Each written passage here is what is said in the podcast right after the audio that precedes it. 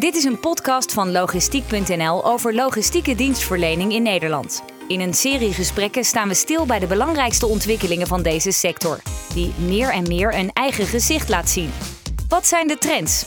Wie lopen voorop als het gaat om innovatie en duurzaamheid? Wat zijn de kansen en bedreigingen, nationaal en internationaal? Jaarlijks stelt logistiek.nl een uitgebreid overzicht samen van de top 100 bedrijven in deze sector en analyseert de belangrijkste ontwikkelingen. We doen dat samen met Buck Consultants International. Namens dit bureau zit Christian van Luik aan tafel. Met de gasten van vandaag praten we over kansen en bedreigingen, meer toegespitst op twee elementen. Namelijk samenwerken met anderen en het bundelen van vervoersstromen en het belang van innovatie gericht op alternatieven voor diesel. Het gesprek staat onder leiding van Heres Stad, hoofdredacteur logistiek.nl.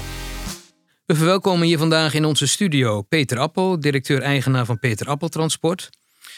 Michiel Maasen, eigenaar van HR-adviesbureau Ugrow en voorheen HR-directeur van XPO in Nederland. Bart Banning, sectorbanker bij ABN AMRO voor de sector transport en logistiek. En Christian van Luik, nu van Buck Consultants, maar daarvoor werkzaam bij TLN. Eh, Christian, eerst aan jou. Ehm, en dan naar het onderzoek wat we ieder jaar doen in deze sector. Gaat het goed met de bedrijven in, in de logistieke sfeer? Uh, wat hoor jij om je heen? Nou, je ziet uh, wel degelijk dat er groei is bij bedrijven. Als je kijkt naar de resultaten ook van de enquête, zien we dat er bedrijven flink groeien in, de volumes die ze vervoeren. Maar dit gaat wel gepaard ook met nou ja, knelpunten. Als je kijkt op de arbeidsmarkt, dan lopen bedrijven daar echt wel tegen de grenzen van hun mogelijkheden aan. Je ziet ook de congestie op het wegen natuurlijk toenemen. Dus dat heeft zeker voor de transporteurs natuurlijk ook wel uh, gevolgen in van ja, hoe goed kun je je ritten uitvoeren, hoeveel congestie, hoeveel extra tijd ben je daardoor kwijt. Dus dat, dat zijn wel punten waar de sector echt last van heeft. Bart, hoe kijk jij daar tegenaan? Want inderdaad, een sterk opgaande lijn als het gaat om volume. Zo blijkt ook uit die enquête. Maar, maar ja, eigenlijk verdienen logistiek dienstverleners niet echt geld met al deze mooie activiteit.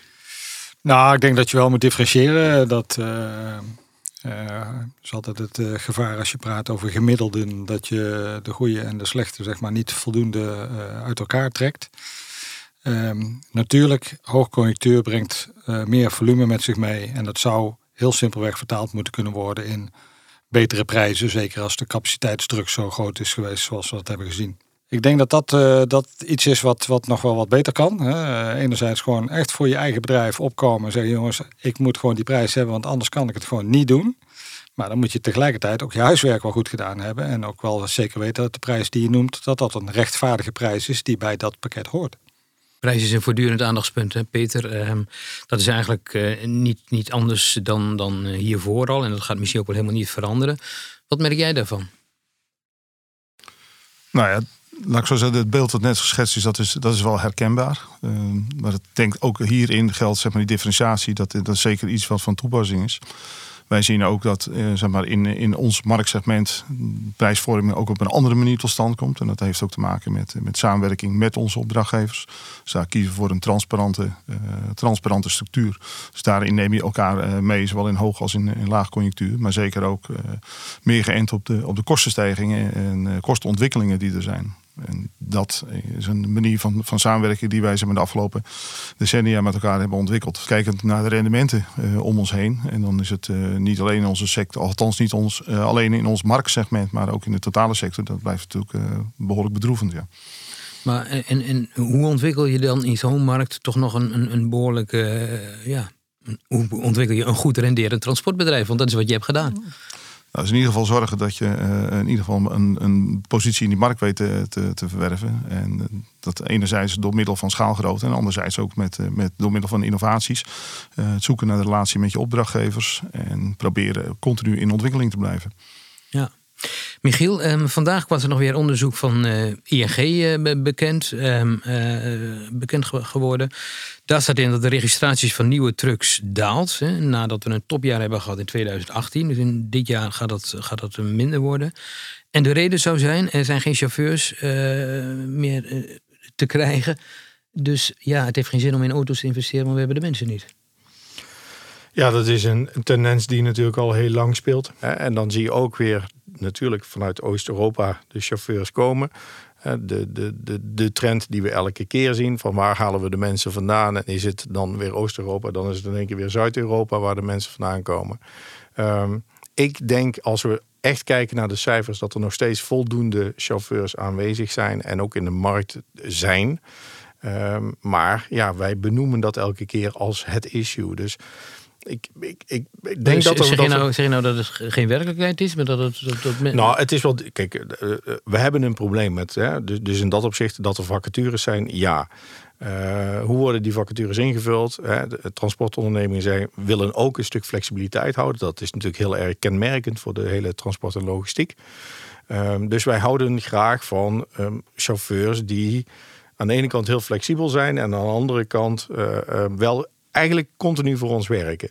Dus we moeten ook naar onszelf kijken. En niet alleen gaan kijken van we hebben geen chauffeurs. Want als we dan zeggen van wat kunnen we een chauffeur gaan bieden. Zijn dat inderdaad de contracten? Zijn dat de overeenkomsten? Eh, nou, daar willen we graag. me- sommige bedrijven doen dat. Die zijn daar juist net heel erg koploper in. Maar er zijn nog heel veel transportondernemingen die gewoon zeggen vanwege die prijsdruk die er wel continu is. Van ik durf geen chauffeur aan te nemen. Dus ik hou me in mijn flexschil. Ja, en als je dan wel je aanvraag hebt, maar niet je chauffeur, heb je wel een probleem. Dus ik denk dat daar een grijs gebied zit van hoeveel mensen hebben we nou daadwerkelijk tekort. Ik denk dat het ook misschien te maken heeft met het feit dat we natuurlijk een inhaalslag hebben gepleegd. eh, en, dat woord crisis mogen we eigenlijk niet meer noemen. Maar we hebben natuurlijk een crisis achter ons liggen waar bijna niet geïnvesteerd is. En waar daarna, daarna een soort inhaalslag heeft plaatsgevonden. En die inhaalslag die, ehm, eh, die heeft wel plaatsgevonden met een aantal eh, eh, moderne motoriseringen. Die natuurlijk toch wel in de praktijk best wel heel goed draaien. Dus, en ik denk als je dan dat combineert met de afvlakkende groei waar we nu naar kijken. En tel daarbij nog eens op de technologische ontwikkeling. Wordt het nou wel elektrisch? Wordt het waterstof? Wordt het ver- verbeterde vorm van Euro 6? Eh, hoe gaan we dat? hè? dat bedrijf ook zeggen van nou goed, la- laten we maar even een beetje pas op de plaats nemen. Ik zeg niet dat ze niet meer investeren. Ze investeren misschien wat minder. Om te kijken of we de juiste keuze kunnen gaan maken. En wanneer we die dan moeten gaan maken. Voor beide argumenten valt wel, valt wel iets, eh, iets te zeggen. Ik denk die van Bart, eh, waarin hij aangeeft dat zeg maar, de achterliggende periode misschien een wat lager tempo heeft gehad in, in de vervangingsinvesteringen. Dat, dat, een, dat er een inhaalvraagstuk zit, dat, dat geloof ik zeker. Dat denk ik, eh, dat denk ik zeker wel. Is dat een beeld wat je, je, Christian, wat je ook eh, elders ziet? Ja, wij zien dat ook wel in de, in de, in de markt. eh, dat, eh, nou, die inhaalslag aan de ene kant. Aan de andere kant ook wel de onduidelijkheid. We zijn veel als buurconsultants op dit moment bezig met projecten rond eh, zero-emissie. En de doelstellingen die gemeentes of het Rijk daarin hebben voor eh, 2025 en daarna. Ja, daar zit gewoon nog heel veel onduidelijkheid eh, richting bedrijven. Van, ja, wat, is, wat wordt nu de koers die overheden gaan, eh, gaan voeren? Maar ook van ja, welke technieken zijn eh, straks beschikbaar? Dus je merkt dat bedrijven echt wel daar ja, een beetje op aan het wachten zijn. Van ja, wat moeten we doen hierin? Bart, jij bent voorstander van het spreiden van risico. Dat heb je wel eens vaker gezegd. hè. Zorg er nou voor dat je niet op één paard wet, maar dat je meerdere dingen, meerdere ijzers in het vuur hebt. Peter Appel is een voorbeeld van dat je dat nou juist niet moet doen. Hoe kijk je daar tegenaan? Nou, ik denk dat je de dingen even goed moet scheiden. Eh, waar ik, eh, als je het hebt over innovatie en met name inzet van elektrische trucks in de, in de binnenstad, wat een, eh, een extra investering vergt van een logistiek bedrijf, dat ik zeg, wil je die innovatie kunnen dragen, dan moet je daar meer risico in gaan spreiden tussen alle partijen die zeg maar willen dat dat een succes gaat worden. En niet alle lasten en alle mogelijke risico's van nieuwe technologie, dat je die bij één en dezelfde partij, zijn de logistiek dienstverlener of de transporteur neerlegt. Want dat kan niet uit. Ehm, het andere waar je het over had, Heres, dat, dat heeft met strategie te maken. Van, eh, van eh, welk bedrijf wil ik zijn, in welke markt wil ik actief zijn en waarom ben ik dat? En waarom maak ik die keuzes? Nou, ik denk dat het heel belangrijk is dat je in deze tijd eh, die strategie hebt, maar misschien voorafgaand aan de strategie, ook de visie die je hebt. Waar gaat die markt naartoe? Hoe omvangrijk wordt die? Wat gaan verladers in een bepaald segment van mij vragen? En hoe kan ik hen daarbij helpen op logistiek gebied? Dat dat duidelijk zich gaat vertalen in de strategie wie je daar als bedrijf wil zijn. En we hebben inderdaad de afgelopen jaren heel veel gezien dat oorspronkelijk transportbedrijven steeds meer logistieke dienstverlening erbij zijn gaan doen. Waar, waar warehouse op een gegeven moment een beetje de heilige graal werd. Van transport kun je niks in verdienen, je moet een warehouse hebben. Want als je daar niks in verdient, in ieder geval het onroerend goed wordt eh, gaat stijgen in waarde, heb je daar nog een boterham aan. Maar ik denk dat, dat, dat Peter Appel eh, als voorbeeld geldt. Dat hij zegt, ik heb ook een hele duidelijke keuze gemaakt. Ik wil niet juist in het warehouse. Want dat, dat wordt door de Albert Heijn van deze wereld en de Kuehne zelf gedaan. Maar die hebben wel behoefte aan een hele professionele transportdistributiepartij. En dat betekent niet alleen assets, maar dat betekent ook dat je een bedrijf hebt wat de cultuur heeft dat ze dingen op een andere manier, morgen op een andere manier willen doen dan vandaag als het kan. De analyse is juist, en Peter? Ik uh, heb er eigenlijk heel weinig aan toe te voegen. Maar het betekent misschien wel dat je toch uiteindelijk beperkt bent in je groeimogelijkheden. Nou, ik denk dat dat, uh, dat, dat uh, wat onderschat wordt. Uh, het is natuurlijk zo dat als je praat over het, risico, we hebben uiteraard enerzijds een risicospreiding door middel van de portefeuille, portefeuille, die we hebben opgebouwd. Dus het aantal partijen waar we voor werken en weliswaar in een specifiek marktsegment. En inmiddels ook in de totale supply chain als het gaat om food service en food retail. Dus uiteindelijk zowel van producent tot en met tot consument hebben we op dat vlak ingevuld. Dus in, in, in dat opzicht hebben we uiteraard wel aan risicospreiding gedaan. Christian, ik wil even met jou naar nog wat andere aspecten uit het uh, onderzoek ook. Uh, wat mij opviel is dat, dat het element uh, samenwerken, bundelen, dat dat wat minder hoog op de agenda lijkt te staan dan in het verleden. Zeg ik dat goed? Ik denk dat bedrijven nog steeds ook wel de kansen zien in samenwerking en bundelen. Je merkt wel, als je kijkt naar de afgelopen jaren, naar voorbeelden, dat het wel heel erg lastig is om dat goed op te pakken.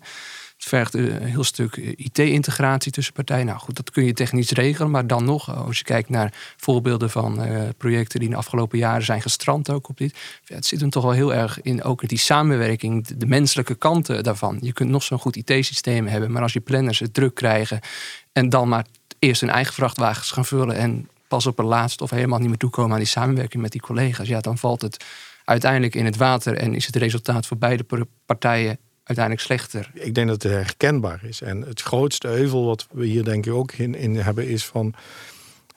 hoe ga je daar ook weer, hoe ga je de vertaalslag maken in, in, in bundeling? En ik denk dat je het, het mooiste onderwerp hebt aangetipt. Het is continu een humane factor die in wezen zegt van wat ga ik nou doen? Wat ga ik bundelen? Op het moment dat ze het gevoel hebben van ik moet nu gaan kiezen tussen mijzelf of jou. Nou, dan wordt die vraag redelijk snel beantwoord door wie dan ook. En als daar een IT-systeem zegt van je zult toch naar die andere partij moeten gaan. En jij maakt, hebt op dat moment de mogelijkheid om op die rode knop te drukken en zeggen: nee, ik wil toch dat mijn eigen vrachtwagen eerst gaat. Dan is dat wat er gaat gebeuren. En is die samenwerking, de kracht van samenwerking, is weg. Maar dan zou je toch kunnen zeggen dat het hele geloof in, in, in, in zeg maar samen uh, optrekken en daardoor ook allebei beter worden. Hè? Uh, win-win, win, misschien wel drie keer. Dat dat, dat heilige geloof, dat dat vaak ontbreekt. Ja, ik denk het wel. De, iedereen is, er is een enorme concurrentieslag gaande. Uh, in onze sector. Um, en, en, en, prijsvechten is niet onbekend. Iedereen heeft een, uh, een non-compete clause getekend en een vertrouwelijkheidsclause getekend. En we moeten allemaal verklaringen afleggen waarom we bepaalde data niet met anderen delen. En, en daar begint het eigenlijk al in de basis. Terwijl als je gewoon begint van, is dit een fair price? Wat we helemaal in het begin van deze podcast met elkaar besproken hebben. Van, waar gaat het uiteindelijk om als een klant het gevoel heeft dat we de juiste prijs met elkaar afspreken? dan heb je geen discussie over vertrouwen. Dan heb je geen discussie over samenwerken. Dan gaat het erom dat de dienstverlening die je doet goed is voor de business. En goed is voor mij als klant. Welke mogelijkheden zie jij, Peter, om samen te werken? Los van samenwerking met je leveranciers, wat je heel intensief doet. Maar zie je ook eh, mogelijkheden om samen te werken met bijvoorbeeld andere vervoerders? Ja, zeker. Op dit moment uh, zeg maar, uh, tussen de 15 en 20 procent van onze omzet... die delen we ook met, uh, met onze collega-vervoerders. Dus op dat vlak hebben we er eigenlijk de afgelopen jaren al voor gekozen... om en dat is nog niet eens een flexibele schil. Uh, er zit echt heel veel structuur in. En daarin hebben wij ook zeg maar, als bedrijf zijn de keuzes gemaakt door een aantal nou, zeg strategische partners daarin te zoeken. Uh, en daar ook dat, nou ja, laat ik zo zeggen, um, niet weg te duiken op het moment dat je denkt van het wordt nu spannend en, nu hou ik het maar voor mezelf. Uh, zeg maar, daar ook wat structurele afspraken over te maken. En ja, mensen op bijvoorbeeld op bepaalde lanes uh, zeg maar ook de bestemming toe te, toe te wijzen. Zowel in goede als in slechte tijden. Ik vind dat we echt een kans hebben laten liggen. Ik vind dat ehm, als we zien wat we de afgelopen twee, drie jaar door wat voor periode uh, alle logistieke bedrijven en verladers heen zijn gegaan om toch maar iedere dag weer te zorgen dat het, uh, het voor elkaar gebokst werd. Daar was volgens mij was dat een perfecte aanleiding om eens een keer die uh, muur tussen elkaar, om die te slechten en te zeggen hoe kunnen we het ook beter doen. Het is mijn zin zou het ongelooflijk jammer zijn als we nu allemaal weer een beetje op die rem gaan, omdat de economie, de economische voorspellingen iets minder zijn dan wat ze waren. Overigens nog steeds in de plus, maar we merken het dat het iets minder is. Dat iedereen weer zijn uh, navel naar zijn eigen navel gaat staren en kijken hoe we het maar weer kunnen volhouden zoals we dat altijd gewend zijn. Christian, klopt dat? Hebben we kansen laten liggen? Ja, dat denk ik wel. Als je kijkt naar, de, naar voorbeelden, uh, projecten die gestrand zijn de afgelopen jaren, dan denk ik van er lag echt. Als je kijkt naar de techniek die je nodig hebt om samen te kunnen werken, om te kunnen bundelen, is er voldoende beschikbaar. Zit echt in de wil bij bedrijven om dit te doen. Maar ook dat de doorvertaling inderdaad maakt in je organisatie. Dat je van, van boven tot beneden dat, datzelfde gevoel hebt, diezelfde ambitie hebt om samen te werken. Elkaar, elkaar daar ook op aanspreekt, afrekent. Dan had het gewoon had dat moeten lukken. Ik denk ook dat, dat uh, ja, wij nog steeds eigenlijk in een soort traject zitten van durven we dit wel? En dat is ook terecht wat je zegt. Um, um, hadden, we, hadden wij dat op een of andere wijze kunnen aanjagen? Hadden wij bij mensen kunnen zeggen van durf nu eens, ga eens met elkaar het gesprek aan. Op welk niveau dan ook. Ik denk dat er op uitvoerend niveau, plannersniveau, dat er echt wel overleg met elkaar tussen bedrijven is. En dat directeuren, algemene aandeelhouders, wie dan ook, zeggen van nee, ja, daar ga ik niet mee samenwerken. Want dit. En, en dat is best jammer. En dat bottom-up principe, als we dat meer hadden kunnen stimuleren in deze sector, Um, om de samenwerking dan misschien niet formeel, maar wel informeel bij elkaar uh, nou, te gaan realiseren. Dat, dat zou denk ik wel, dat is absoluut een gemiste kans. Want dan kom je weer terug op die beladingsgraad. Ja, het is gewoon zonde om op 80% terug te komen met niks erin. Vertrouwen, en, en dat begint natuurlijk ook bij jezelf. Ik bedoel, vertrouwen hebben in een ander is ook een ander vertrouwen geven dat je, uh, dat je wil samenwerken en daar ook in aan, houdt. Dus een afspraak een afspraak is. En, dat je daar in ieder geval, dat moet ook wel in, in, in je organisatie zitten, moet in je cultuur, ook al net even te sprake gebracht. Maar ik denk wel heel belangrijk dat vertrouwen van twee kanten begint. En dat begint in, in, in, volgens mij bij jezelf.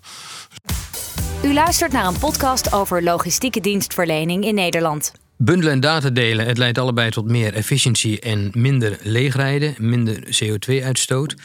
Ehm, wat zijn aansprekende voorbeelden? Christian, heb je daarna gekeken? denk een bekend voorbeeld, hè, de samenwerking tussen uh, Essers en Verstijnen op uh, gezamenlijk ontwikkelen van corridors naar Polen of naar China met eh, KLG ook. Nou, ik denk dat dat wel mooie voorbeelden zijn van iets van twee concurrenten die met elkaar het schip, of in dit geval de treinen, opgaan en daarmee ook ja, gezamenlijk meer, meer kunnen doen daarmee. Michiel, ken jij goede voorbeelden? Ja, ik vind GVT vind ik een heel goed voorbeeld wat ze met intermodaal hebben gedaan. Uh, ik, ik, vind echt, uh, zoals zij dat hebben aangevlogen, zeggen van nou, we hebben gewoon een containerterminal, we hebben de trein. Uh, we, we, kunnen het eigenlijk op alle mogelijke manieren kunnen wij het gaan transporteren. Ik vind dat gewoon echt een hele mooie oplossing. Voor zoals je heeft gezegd, van wij gaan dat bundelen. En vanuit dat oogpunt gaan wij kijken hoe wij onze klanten kunnen bedienen. Dus dat vind ik echt een hele slimme oplossing. Ja. Waar zou jij je investeringsbudget op richten? Zou je dat doen op ICT? Zou je dat doen op innovatie? En dan denk ik inderdaad aan, aan voertuigtechnologie. Of zou je dat toch gewoon doen aan het binnenhalen en het ontwikkelen van je mensen? dat zijn drie hele moeilijke keuzes. Je moet er één kiezen. Ja, dat, daar was ik al bang voor dat ik dit antwoord uh, zou krijgen. Um, als, je, als ik gewoon kijk naar het perspectief op dit moment. En, en even, um, laat ik zo zeggen, um, naar een stukje bestendigheid. Ehm, ehm, dan klinkt het heel gek wat ik zeg, maar dan zou het ICT zijn. Ehm, ik denk dat ICT op dit moment de, de levensader is binnen logistiek. en het, het ontwikkelen van mensen, ja, dat, dat hoort daar natuurlijk automatisch bij. Maar, maar zonder ICT draait er eigenlijk op dit moment, denk ik, bijna niks meer. Ik vind, een, een lastig dilemma, ja, alle drie. Uh, waarbij ik wel mee kan gaan met, uh, met de ICT. Maar tegelijkertijd ook realiseren dat zeg maar, het ontwikkelen van de skills van je medewerkers daar een ontzettend belangrijk item is. Want je moet er één kiezen. Je moet er één kiezen, ja. ja. Want je de, een kan niet zonder, de een kan niet zonder het ander. Ja, nee, dus en zo zeggen we, dat moeten we denk ik ook met elkaar uh, ja, wel voor ogen zien. Dat zeg maar, het hebben van, van de juiste ICT, maar zonder de juiste mensen, uiteindelijk ook niet het gewenste resultaat gaat leveren. Dus. Maar daarnaast investeer jij in veel uh, nieuwe technologie. In voertuigen elektrisch rijden. Je doet pilots, onder andere met Albert Heijn. Op dit gebied kun je daar iets over vertellen? Nou ja, dat is, uh, laat ik zo zeggen, een, een, een, voortdurende zoektocht. En dat binnen de kaders van met name wet en regelgeving. Dus laat ik zo zeggen, zijn afspraken gemaakt over hoe wij de toekomst zien met elkaar, in, vooral in de binnensteden. Uh, terwijl wij met elkaar nog niet de juiste oplossing hebben. Dus we zijn wel met onze opdrachtgevers continu aan het kijken van wat. We kunnen daarin niet wachten tot, uh, tot het allerlaatste moment. Dus we zijn wel op zoek van welke oplossingen liggen er en welke oplossingen hebben uiteindelijk ook zeg, de, de, ja, de beste kans om, te, om, om, om lange termijn te kunnen overleven. En waar denk je dan aan? Want we hebben hybride, we hebben elektrisch, we hebben LNG. Nou, wij, denken, wij, zien niet dat er uiteindelijk één oplossing is. Ik denk dat uh, zeg maar voor de komende tien jaar, dat is niet, niet ons beeld, althans op, op basis van de ervaringen. Je gaf al aan, we, we hebben een aantal investeringen, zowel volle elektrisch, uh, hybride, LNG. Uh, dus op, op meerdere fronten zijn we op dit moment aan, het, aan het kijken. Ehm, maar onze verwachting is niet dat daar één standaard oplossing komt op de middellange termijn. Uh, wellicht op de lange termijn uh, dat dat met waterstof of, of, uh, of, of, welke oplossing dan ook. Maar voor de middellange termijn, dan praten tussen nu 2020 en 2030, dan zal dat denk ik ten, ten alle tijde een mix blijven. En gaat die ontwikkeling wat jou betreft snel genoeg? Of, of zijn er allerlei belemmeringen? Nou, er zijn nog voldoende belemmeringen. Eh, om te beginnen bij, bij de bestendigheid van wet en regelgeving. Dus waar, waar, hebben, waar moeten we nu uiteindelijk aan voldoen? Uh, hoe is dat zeg maar, in Nederland per gemeente, per regio, hoe is dat georganiseerd? Dus ik denk dat het heel belangrijk is. Uh, we hebben recent de hele LNG-discussie gezien. die uiteindelijk ervoor zorgt dat, dat zeg maar, daar weer een nou ja, uiteindelijk alles uit de kast moet worden gehaald om, om te zorgen dat de schade beperkt blijft. Maar dat helpt natuurlijk niet in het vertrouwen om te innoveren en te rekenen van, van en, en, te kijken naar de toekomst. Dus ik denk wet en regelgeving is een belangrijke. En daarna zien wij ook zeg maar, de, de, de tempo waarin zeg maar, nieuwe producten van met name vanuit de OEM's uh, vandaan ter beschikking komen. De dat, truckfabrikanten. Dat, truckfabrikanten, ja, eh, terecht. Truckfabrikanten, uh, dat dat op een relatief laag tempo uh, op dit moment is. Dus hebben we de beschikbaarheid, ook als we vandaag wel een keuze zouden maken, dan denk ik dat het, dat het best nog wel wat jaren kost om uiteindelijk die transitie in te gaan. Maar dan toch even los van overheid en los van, van wat truckfabrikanten wel en niet kunnen presteren op korte termijn. Als, als uh, grote vlazen, als grote retailers erachter gaan staan, uh, dan gaat het gewoon gebeuren, toch? Dat, uiteraard zou, gaat het dan gebeuren, maar ook, uh, laat ik zo zeggen, ook onze opdrachtgevers worstelen met hetzelfde dilemma. Van welke keuze moeten we nu maken? Wat is nu uiteindelijk de beste keuze? je, en, je, je, praat toch over behoorlijke diepte-investeringen. gemiddelde levensduur tussen, tussen de 7 en, het, en de 10 jaar, zeg maar. Uh, dus keuzes die je nu maakt in 2020, ja, die moeten uiteindelijk tot 2030 uh, uh, door kunnen gaan. Maar als er in 2025 andere wet en regelgeving is, dan weet je eigenlijk nu dat je wellicht investeringen gaat doen die, die ergens halverwege de levenscyclus ehm, nou ja, in ieder geval of een lagere waarde hebben of volledig uitgefaseerd moeten worden. Dus dat, dat, dat is best een dilemma. Dus het is niet zozeer de onwil als wel van wat is het, ja, toekomstperspectief. En daar is nog te veel onduidelijkheid over. Dus als je zegt van is, ik denk dat daar uh, met name zeg maar, het tempo zit. Uh, wat is het, wat is, ja, wat is het toekomstbeeld? Maar is de branche, Bart, zich toch niet een klein beetje aan het verschuilen achter de overheid? Nou, de overheid is natuurlijk een partij waar je rekening mee moet houden. Ik, ik weet niet of je het, het, woord verschuilen of het juist gekozen is. Ik denk dat Peter wel aangeeft hoe belangrijk een, uh, een bestendig uh, overheidsbeleid, uh, meerjarenbeleid is om dit soort innovaties ook echt daadwerkelijk de kans te geven, zodat ze ook de ontwikkeling kunnen doormaken die nodig is, maar ook het rendement kunnen opleveren, zowel financieel als gewoon in een economisch of of, of, of, of, of duurzaamheidsperspectief. Dus die overheid heb je daar wel bij nodig. Dit soort pilots heb je hard nodig. En dan heb je dus ook alle partijen aan tafel nodig die zeggen: Oké, we zijn bereid om uh, hier uh, uh, wat, wat water bij de wijn te doen. Bereid om die pilot met elkaar aan te gaan. En dus niet zoals die elektrische truck van Peter Appel in één keer ergens in de binnenstad van Amsterdam stil komt te staan. Dat Albert Heijn dan tegen Peter zegt: Nou ja, weet je, jij wilde zo graag met die elektrische truck. Nee, je bent partner in crime. Je bent met elkaar bezig om te kijken hoe je die stappen kan nemen. Maar zou jij je klanten, zou je ze adviseren om over te stappen op elektrisch transport nu? Is de tijd hangt, hangt er vanaf in welke uh, dienstverlening zitten. Als zij volledig in de stedelijke distributie uh, uh, acteren, dan gaan we het onderwerp zeker op de agenda zetten. zeker ook omdat je ziet dat er in de wet en regel, TLN heeft afgegeven de ambitie 2025 emissievrij. Maar er is ook een overloopperiode tot 2030, heb ik inmiddels begrepen. Want je moet natuurlijk wel rekening houden met de afschrijvingstermijnen en gewoon de, de kosten die zoiets met zich meebrengt. Dus uh, een business case waarvan we van tevoren weten dat dat bij, pijn bij iedereen gaat opleveren, ja, die gaan we natuurlijk nooit met z'n allen ondertekenen. Dat, uh, maar dat we het onderwerp op de agenda zetten bij die bedrijven die zich in de stadsdistributie gaan begeven, Ja, dat is denk ik heel logisch. En we gaan het onderwerp niet bij bedrijven uh, op de agenda zetten die met name in het internationaal lang transport gaan zitten. Nee. Want dat heeft geen, geen zin. Christian, jullie doen veel in de stadslogistiek bij Buk Consultants. Um, hoe, hoe ervaar jij deze discussie? Nou, inderdaad, dat je, je ziet aan de ene kant dat overheden daar, uh, in ieder geval deel van de steden, toch best wel ambitieus uh, in is. De, de, met ook de landelijke overheid die zegt van ja, in 2025 willen we in 30 tot 40 uh, middelgrote steden een zero-emissiezone hebben, ook van een, een redelijke omvang. Maar het pad daarheen is natuurlijk ook voor overheden echt wel een zoektocht. Je merkt daar ja, echt de consequenties kunnen overzien. Wat betekent dit voor de sector? Eh, maar dat geldt dan niet alleen voor de sector transport en logistiek, maar dat geldt eigenlijk voor iedereen die gebruik maakt van een vrachtwagen of een bestelwagentje. Dus dat is ook eh, de lokale aannemer. Dus ja, dat, dat is nog best wat vraagstukken die opgelost uh, moeten worden. Maar ik denk het feit dat je straks in, een heel aantal steden zo'n zone hebt, als het goed is, dat zorgt er wel weer voor dat je een soort level playing field creëert. En dan ook inderdaad met een soort overgangsregeling, zodat je Euro 6 motorvrachtwagens die aanschaft, dat je die wel nog een aantal jaren ook tijdens na 25 kan gebruiken. Dat is wel belangrijk. En ik denk dat dat wel een hele sterke stimulans is om straks die markt echt op gang uh, te krijgen. En helpt dan bijvoorbeeld wat Amsterdam uh, heeft gedaan door gewoon maar hard op tafel te slaan en te zeggen: we gaan dit gewoon doen, klaar?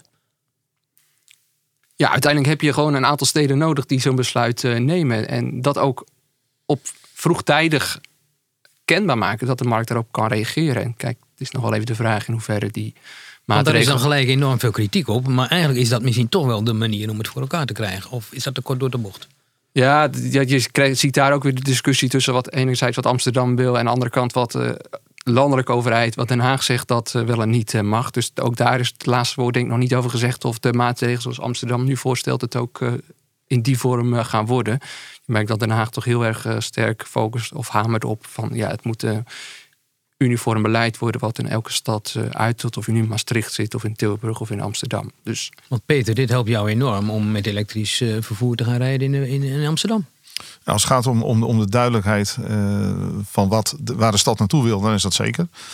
en dan vervolgens zitten we nog met het dilemma dat er wel beschikbaarheid moet zijn in de komende vijf jaar om uiteindelijk deze investeringen te doen.